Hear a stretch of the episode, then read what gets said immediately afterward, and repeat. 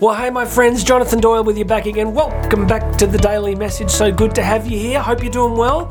Thanks for taking the time to listen in. Let's get some value into your life. But first, please make sure you're subscribed. Hit that subscribe button and uh, the notification buttons there. And uh, feel free to leave a comment if you like what you're hearing today.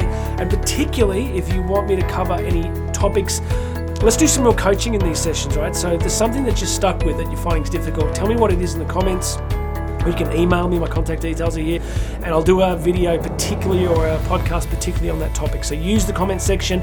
Make sure you're subscribed, and of course, you can see here if you're on the uh, video version, you will see a link coming up to my book, Bridging the Gap. I'm going to give it to you for free. So just hit that link, pop your details in, we'll get that to you.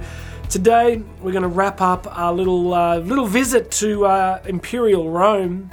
If you've been listening the last couple of days, I've been covering. Uh, we started with Seneca the Elder, then we did a great quote yesterday from Ovid. Today we're going to wrap it up with a quote from Horace, the other main uh, sort of poet, uh, lyrical poet of that era that was um, writing around the time of Caesar Augustus. I like this one today. I like all these guys because they're just. They lived in hard times. They lived, you know, as much as this was Imperial Rome, and as much as Imperial Rome went on to have extraordinary power in the Mediterranean and further afield, North Africa and into Asia Minor, but um, you know these were still hard times, right? This was where life expectancy was still young, uh, it was still you know short, tough times, and some brilliant people getting some great insight into the human journey. So let's jump in today and let's hear from the great Roman poet Horace. Adversity has the effect of eliciting talents which, in prosperous circumstances, would have lain dormant. That is gold. Adversity is going to bring out talents, capacities that would have lain dormant if you'd been in purely prosperous circumstances.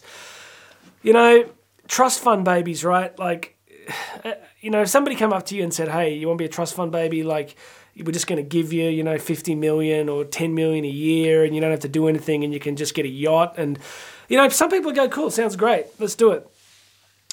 But what do you do when you've got all your material needs met? What would you do if all of the things that you would like to have to feel really prosperous financially, right? Let's just say you had no debt, you had a beautiful property that you loved, and you might have a, a, ski house in Aspen. And um, if you had all of that stuff, right? You had the car you wanted, you had the clothes you wanted, you had no money worries.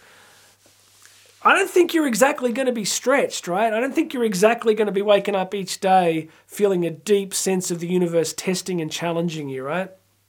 Seems to be something about us as humans that we need that. That it is actually times of adversity, difficulty, loss, grief, sorrow, misunderstanding that actually force us to grow and to change as humans. We wouldn't write that script. I don't think it's something that we would naturally choose. I think if we were left to ourselves, we'd probably construct the universe more around comfort. But this is the way things are. So I just want to say to you in this short message don't avoid adversity. It's one of the reasons I do so much ridiculous training, right? One of the reasons that I do ultra marathons and all the crazy cycling and stuff because there's just something about the pain that is very helps you to feel very alive.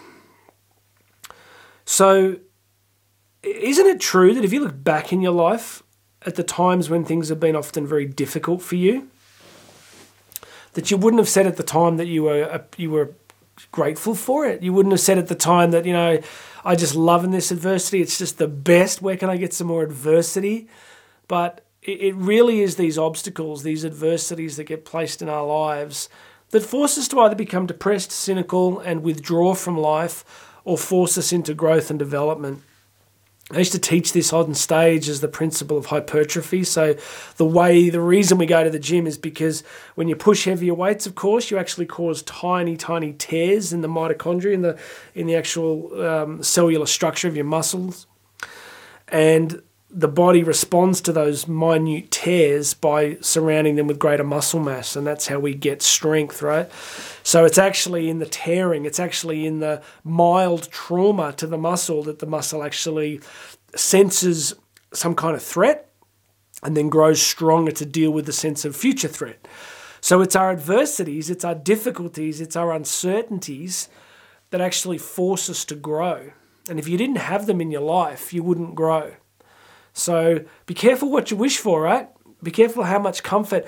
I think one of the greatest challenges we're facing in the world at the moment, and it's a challenge big enough to, to possibly end our civilization, and I really mean that genuinely, is we have so much comfort. Some of the crazy social issues that we are debating only come in cultures that have reached past their peak and are heading into genuine decadence.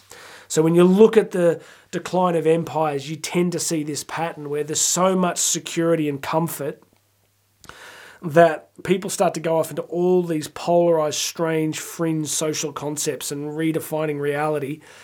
And eventually the civilization weakens and is overtaken. It's just, you know, um, I teach world history. So I'm, you know, got a relatively good understanding of the rise and fall of empires, and there's complex factors, but this is one of them. So we actually need a little bit of adversity. There's a reason we call the, the, the people, you know, born, uh, you know, between World War One and World War Two, the greatest generation. That's why they were called the greatest generation, was because they lived through the Depression era. So they lived with a lot of scarcity, a lot of lack, which made them frugal and you know, savers. It made them sort of manage finances and money and be uh, frugal with their possessions, and, and they would look after their stuff and and it built the sense of community because when you don't have a lot of financial abundance, it's often the community aspect that comes really important. And then they fought the Second World War.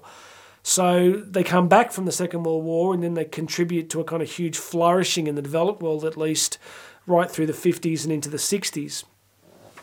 And so we're heading back now into a time of decadence and comfort as a culture where, you know, the, the, the you know, you might disagree. You might say, well, yeah, Jonathan, sure, but there's plenty, there's always adversity. Yeah, there is, but we're not really being tested. And I don't think we are. I think we. I think the level of comfort and distraction we have. It's really like the end of imperial Rome. It's like bread and circuses. It's wall to wall Netflix and social media. And, you know, apart from YouTube now, I have no social media. I just slowly, over a period of a few years, just deleted everything because it's just it's just distraction, right? So, all right, I'm out of the rabbit hole. Summary: If you have no adversity in your life, then the talents that adversity brings out are never going to see the light of day. So, not only be grateful for some adversity, but I'd even go as far as to suggest go looking for it. Now I get it through through business, through the hardships of growing a business in difficult economic times. I get it through the training, through the ultra marathons, through the cycling, um, just from constantly making myself do difficult things when I don't really feel like doing them. So, all right, that's it. Please make sure you subscribed. Put something in the comments for me and uh, tell me I'm wrong. Say, Jonathan, no, we're not. We've got so much adversity as a world. I don't know. I'm not going to chase the rabbit hole. I, I think we have issues that are being presented to us as cataclysmic, but I, I think the real things that test us and force us to come together into real communities and to care for each other. And, you know, we, we think we're fragmented as a, as, as a global society. Anyway, that's for another day. Hit subscribe, grab yourself free access to my book, Bridging the Gap. Share this with a few people. Uh, let me know what you want me to do topics on, right? So if you're stuck somewhere in life, put in the comments, email me and uh, we'll do a video just for you. All right, that's it. My name's Jonathan Doyle, and I'm going to have another message for you tomorrow.